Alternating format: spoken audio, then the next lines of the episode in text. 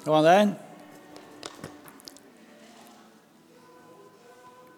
Jeg er atle jeg teka fram Sætne kongabøk kapittel 5 i det.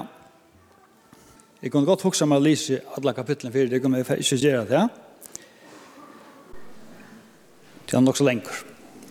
Jeg trygg ved at det flest fleste kjenner søvnene, frasøknene, det er frasøknene om Naaman.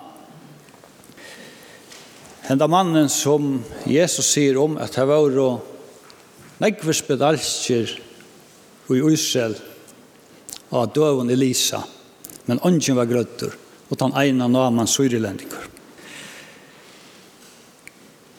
For meg er denne frasagnen alltid vært en, en søndagsskolasøve. Men så sørste togene, kanskje særlig så jeg vet i junioren er byrja at haft tema personer i Bibelen, så er enda søvann for meg bliven alvorligere og alvorligere. Og faktisk alt og alvorlig til bæra, ikke bæra sundagsskolen, men til at bæra bruker sundagsskolen. Jeg får lese de første fyra versene, Sadna Kongabog, kapittel 5. Naman, her høyde ikke tjakonjar av mitta, være miklometron til harrasunnen, og vel omtøkter er til at herren vi hånden hei givet av mitten sier. Men meveren var lyktraver. Ein av fyrir tøyer av mittar høyde veri og herfer i Israelslandi høyde der tidsi unga gent og at det visser og vi var at tæna seg konon namans. Hon sier nu við husmøver suina Hei herre min bert veri kja profeten i Samaria Ta munt han ivalest grøtt henne fyrir, grøtt han fyrir lugtra hans herre. Naman før nu sier herrasun fra kvært og hinn i israelitiska gentan er sagt. For meg er hetta helt heluga som hövusbåskapen kan man säga i frasögnen i Nama. Det som hände gentan, hände vittnesboren, kan man säga, som hände unga gentan ber fram. Teksten i kyrkene og det er om talenterna. Og til som kjenner søvn om talentene og søvn om Naman, er velkomna å bruke deres umyndige evne til at samanbynda terbo, terbo tekstene. For meg er frasøknen nå man kanskje tann frasøknen i bøybene som er røykast på menneskeløsninger. Hvordan imisk vi det er, bare på godt og en. Og eisene hvordan imisk god, hvordan imisk god kan grøybe inn i mannaløv. Og hvordan er han sikkert hans veier er. Og tann som vi tog inn i bliven en av mine største hetsene i bøybene, det er hentan unga jentan Vi får ikke en gang av videre som eitor, vi får ikke videre om søvnet kjønn utan til at han er herleit ur Israel til Syrialands. Og lukka stendur hun fyrir meg som en av de helt sterske personene i Bibelen. Og man kunne hoksa at hend unga jenta som var herleit av Naman i ødelen for her som Naman har vært i herhøytingen at hon hei ung orsøk og ungan hod til å hjelpe naman. Og allukka så leser vi om at det er hon som kommer vi som vittnesporen om at det finnes ein løsn og på seg sjukene. Hon var tid tidsen borte fra ødlom til som kjente, ødlom til som hun var gøy i. Ut i fremmat land, fremmat omkvarve, fremmeda mentan, en heitna mentan, men hon hei tidsen nekka vissar som hon hei finnst heimann fra. Vi tar det til å nevne nå av bønne, at det er som ikke det som strøyast ved sorg, sakn og sjuko, og med som kommer åkere ved. Så er det som vi oftast ikke er herrer i vår. Så er det som kan få åkne fedle fått, kan få åkne at stora, kan få åkne at missa fokus i av god, missa fokus i å trunna og at han kan hjelpe. Så ikke ångan løst, så ikke ångan utve. Og det dere tankegång, til å avvirsker dere etbord. Og så er det så reale glede for disse jentene som har opplevd her av at tidsen borte fra ødlen som hun var gøy fra ødlen som var trygt. Tidsen borte i en annan heim kan man sige. Men hun er tidsen den førningen som hun fikk som bad visse. Trønna av god, den lærdommen som hun finner av god, av sin herre i himmelen, hun har tidsen visse til Syrielands. En anvending til åkken om at det som vi da finner Tekka da vi, oansa hver vi enda, oansa hvordan omstående tjokken er, at her var da vi, den førningen, vi kunne kalla det badna lærnt av hva vi vilja, men det som vi da finnes og vi kommer sånn inn av det sættene, at det er fra godsåret. Lika mykje, henta gentan velur a fortelja konene som naman om ein profet i Samario som ivalest kunde grøtt han for lugtra hans. Og ivalest utan iva. Altså det her vi, at hon kommer ju som bitten, at det kan, her er en som utan iva kan hjälpa det. Og jeg kommer ihåg om Andreas og Peter, hvordan imisk vi er som mennesker. Peter som tog at han måtte i Kjøsava skola, hvis her er vi ille do jeg kan, og kanskje jeg skal. Alt var klar å leipa, alt var klar å snakka, alt var klar til alt. Og så kommer Andreas, som var en mer spøktype. Og jeg er mye gøy som er, en sånn, som ikke lever frem av. Men her som Peter var han som trakket ut og lå mer, lett med, jeg skal, så var Andreas mer at han som, ja, kanskje er ikke klar til, men jeg vet en som klarer, jeg vet en som kan, og som ledde, for det første leidte han Peter til Jesus. Og vi leser om vi, det er vi, medpakkanen, til sin dronger og medpakkanen, han kjenner til Andreas, og Andreas kommer til Jesus. Selv om han ikke tror på henne medpakka, selv om han ikke tror på at han ikke tror så fer han til Jesus igjen. Og for meg er det til en vittnesbyrd om at alt kunne brukes. Begge de som halda seg kunne og vilje og do alt, og de som er sin nummer spøk som kanskje ikke tar selv, men som vet hva hjelpen er å finne. Og hvis anker kommer til morgen og er øyelig sjukker og ber med, ber for vidkommande. Så har jeg ikke haft latt vi har gjort det, men jeg har latt til å vise, ja, men du kan fære til Agnar, Toral, Vjatna, Jekvann, whatever. Men for meg har det vært øyelig tomt. Men det var hva man kan fære. Jeg vil yngst at vi kunne leve av visen her, i misklagan, at selv om ikke kunne alt, så vet vi hva hjelpen er å få. Ein lydel setninger fra en av de unge jenter. Vi vet ikke hva skåmål det er, men det kan skal være 12-13 år ein setninger for henne. For meg er etter skola døm om at tjene god her som et er, og vi tog som et heva.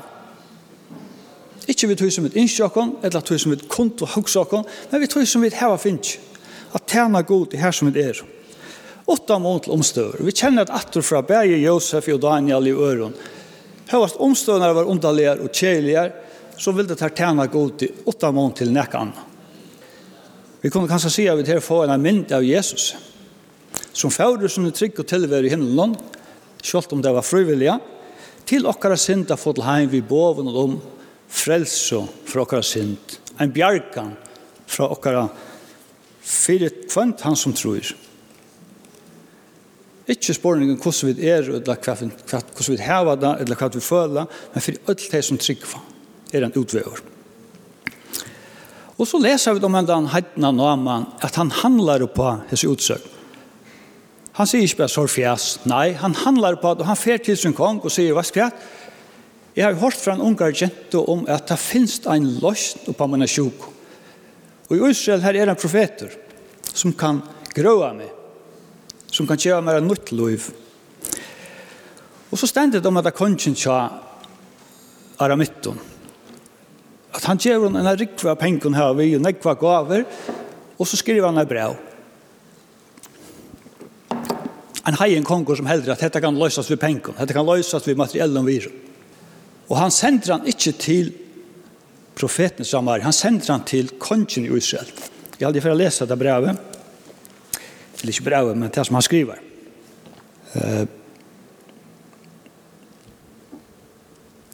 Det stender at når Naman kommer til Israel, så gjør han kongen, Israels kongen brevet, og teller oss hålles. Det Ta i tjoden du fast detta brev opp i henter, skal du vite at jeg har sent Naman, tjener av min tiltøyen, til tess at du skal løse han vid lyktra hans. Til Israels kong, konger i vår Israels folk, ivor Guds folk. Han färger detta brev, du skal løse han vid lyktra hans. Og så får vi denne kontrasten i middelen av kongen som skreier klæren til oss og sier, ja, men er det er godt? Hvordan verden skal jeg løse det her? Hvordan verden kan jeg slippe namen av hvis den er lykt fra? Og så er det herlige jentene som ikke har glemt sin opprona, og heller ikke glemt han goden som han tror ja, og som han eisen tror ja kunne hjelpe hedningen. For meg er det en stedfestning av at godstrykven, hun er ikke tenkt at status er aldri eller forlegget. Det er en spørning hvordan jeg kan hjertet vent mot det god. Det er en spørning om vil jeg stille meg til ræd til at jeg god. Kongren ser bare omstøvner. Han ser bare at dette kan ikke få ønskjørst, og sin egnu neierstøvå, men han kjente han ser neien av nesten. Så spåringen tog hva er en lojast vid meg? Lojast vid meg er kongen, som er roa bakkar, her kan jeg ikke gjøre, her er ikke hjelp, eller lojast vid meira jentene, som vi til førningen hever, innskjer at tjena gode, her som en stødd, suttja vid neina tja okkar nasta. Hva er det som styrer dere handling? Hva er det som styrer dere etbor? Vi er jo stort av omstående, eller vi er jo stort av tog som vi vannand har fyllt dere vi av Guds åre, og tog som han kan gjøre dere. Og så leser jeg om at her er en av som høyre kreffer fram. Elisa, han høyrer at kongren skrei klær i sunn, i panikk til han ikke finner noe løsning. Og så trakker han inn av paddelen.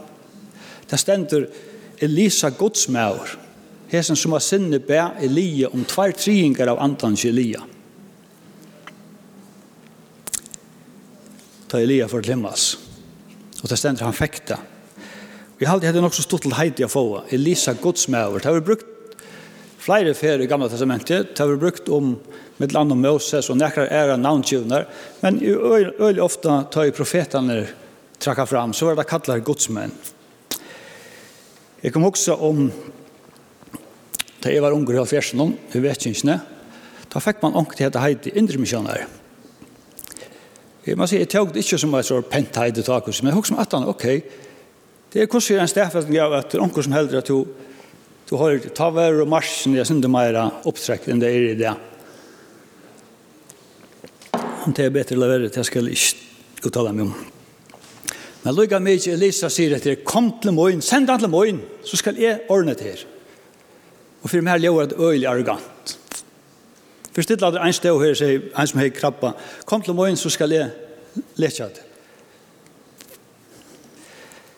Men Elisa kvult i sin trygg, han kvult i trunne og vissen i at han gods, men han har lært å kjenne. Han har lært han å kjenne først og fremst Jøgnon Elia, han er fyllt ved Elia, han er opplært ved føttene til Elia, Og her finnes ikke tvær tryinger av andan Elia i seg til å fortsette sånne tjenest. Og så har han eisne oppleva sjolvor, tjøkken sånne rønter, her han er gjort under og tekjene som nekvån økje. Han kjente god, og han visste at god kunde hjelpe, kunde grube inn. Og han er ikke bensjen for å stille seg tjenestene til god. Hvordan trygg er vi ut til at god færa hjelpa? Vi vet at han kan, men hvordan trygg er vi ut at han færa hjelpa? Her er det kanskje mot problem ofte at jeg trykker at jeg kan være fære gruppen. Jeg vet at han kan, men fære han. Og så stendet det at hessen herføreren kommer til Elisa. Hessen heter er ikke hver som helst som kommer. Han kommer til horene til Elisa, aller helst en ussalig smått av Marla minne. Og så ber han lukka som audiens, og så færer han disse bøyen ut, Ikke en gang, Elisa kommer ikke en gang ut. Han sender bare båret ut til han. For å beie deg skjefer i ånden i jordan. Så skal det være grøtter. Her er ungen viring, ungen kjønnelig under brottlighet for det som Mikkel hersføreren. Som alle hans flere for her i Israel og i krutsk og herlagt flere folk ur Israel. Og han er vel omtakt i heimlandet. Han vet at det kvøy. Så at Herren heier lett han sikra av sin herfører. Og jeg husker, jeg, husker øyelig ofte om dette her, og hvordan blir det til at Gud brukar en heitning i sin tjenest? Vi er øyelig av verden vi kan, vi bruker i akkurat tjenest. Det er i akkurat tjenest, så mener jeg vi Guds tjenest. Vi har øyelig høy krøv til de som skulle tjene Gud. Og jeg sier mye frøyen for det selv, og jeg hadde jeg som skulle ha noe mørk til slettstjen. Men Gud hever ikke mørk for hva han kan bruka, og hvordan han brukar det. Og vi får ikke svær på hvordan det blir til at god brukar hetninger og folk som vi ikke hadde funnet på å ha brukt i sin tjeneste. Men i fyrre og samansbøk, vers 2, nei, kapittel 2, vers 6 stendur, Herren gir ein fatakan og annan rykan. Han bodger henta, man hevjar handa. At god er suverener i sin behandling av mennesker. Han huksar ikke som vid. Og vi lærer enn enn affær at god, han er herre til ødlom, bare jøten og grikkon og heitningen og hver det skal være. God kan bruka ødlom som tjenest. Og tog kan og vil han eisen bruka okkom, okkom er fullkomne mennesker. Lett han halda fast at du er god innskjer å bruka okkom, han vil bruka okkom. Eisen ut har vi føle at vi ikke kunne brukes til. Og så kommer dette menneskelige oppe i naman, tar han færre seg bøyen ut, han kommer hans ned flott i herføreren, Og så fer han bare en bå ut fer og dukka de under jordan. En av skyttene og som absolutt ikke var kjent for å være noe regn og at ta døven helt. Han kommer vid negvån gav. Og vi snakker ikke om tusen grann eller trustusen. Vi snakker om alle helst millioner som han kommer vid. Og øye og stoltleie fåra hånden og i at akta bøyen. Og han vil heimater. Det her, jeg kan akkurat samme for i øyene i Damaskus. Det er ikke nek regner enn Jordanøyen. Det kan godt være at det er over til. Men det har du ikke lyftet fra god til om at hvis du dukker i her, så blir du frusk. Han er vant han er ikke annet. Han er vant en profet som kommer ut og veipa i og røpte av god. Men nei. Vi tykker at vi har ødel en mening om hvordan god skal gjøre hette og hatta, bare vi og og fire og Og det kan være vi til at for råk. Vi leser i Isaiah 5.8 om at Guds veier er ikke okkar veier. Guds hoksaner er ikke okkar hoksaner. Okkar vantaner til Guds kunne føre hans gjerning ui okkon og vi okkon. Etter lokkar stoltla ikke. Tog vi heva en fasta myndi av hvordan god eier handla. Og stod til Naman, så var han færen lyga sjuker heimater som han kom om man ikke heier nekra gaua viner vissa. Hesse sveinane som var komne vi innom, og som aller helst har vært gaua vi igjen, selv om han har vært herhøvdingen og teir bare har vært hermen. Teir få samført naman om, hva skvett, hvis han hei tids alla pengarna fra der, alt som det hei vi, så hei du gjort åttan av blomka. Men nu tar du ikke kostar, bare færre ånda og dippa de under sjefer, så vil du ikke. Og hese sveinane fink og brøtt hoksane kja naman fink og døft hans stoltlega, så at han får åman og i ånda. Her sykja tøttnisen av gåon vinon. Og jeg trygg vi at de som har opplevd det, de vidar det, men de som ikke opplevd det, de har ikke høyminger av hvordan større tøttning at det kan heva, at vi heve gode viner som vilja fylltja vi og lei, som vilja bera saman vi og. Særlig at vi har mest bruk for det. Og så stender det at Naman holdt i tjån og blei som tjån baden. Han opplever et ondt, han blei fruskur. Likamlig er fruskur, men han opplever eisen et annet ondt. Kanskje det største ondt i ødelen, at han får trunna av god i himmelen. Nå veit han, til ungen god til, utan tann godren som er i Israel. Og han vender om, kan vi sige. Han får et nytt likamlig, likamlig liv, og han får eisen et nytt andalig liv. Jeg har en uh, fra en uh, unkar jento. Jeg husker om Ester. Da Esther drottninger til, så sier Mordecai vi henne, hver veit om det ikke akkurat fyrir hessa løtene at du er blir en drottning. Og jeg husker meg, vi, vi, og det gjør jeg som sjolv, alt, eller øyland jeg vil råkna som er tilfelt, er tilvelt. Kanskje har vært en mening ved at henne jentan ble herlad og kom at henne akkurat sjølv naman. Fyri at hon og i tui tøyman, tui hon kunde bæra enda luttla vittnesporen om at det finst en profetur, det finst en løsn på at hun er sjuko, det finst en løsn på okkara sjuko, det finst en løsn på okkara sal, fyrir okkara likam, sal og anda. Vi kvart vera vi plassera i støver som vi absolutt ikke innskja kom i, men kanska det er fyrir vi er mening at vi kunne vera en udratt hånd til noen annan som kanskje er som støv. Så lest har vi møttast i egnhatt. Henda gentan som fyrir okken er navnleis og nastan søveleis og hon stendur fyrir meg som ei vøkkur hetja og ein firmynd.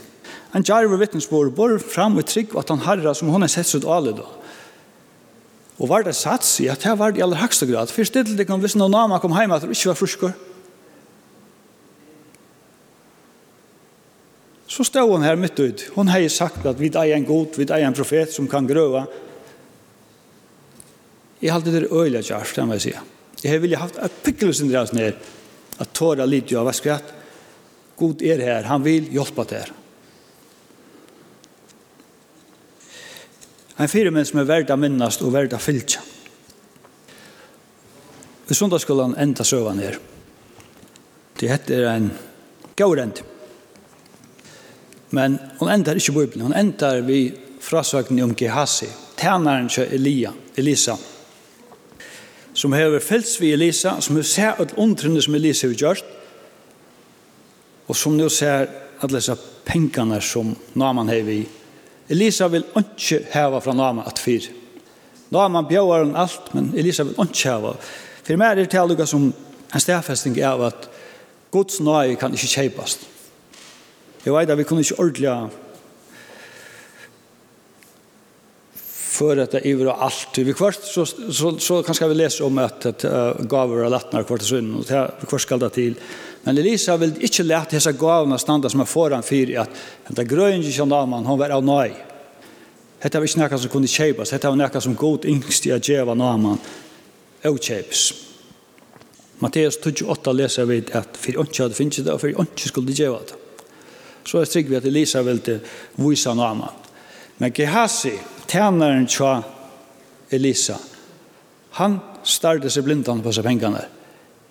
Og han hoksene som, ja, det er ikke avkjent for dere at vi drar frasta av imenske ting. Det kan være penger, det kan være ødel mulig. Selv om vi da opplever god, så kommer frestninger inn i okra liv.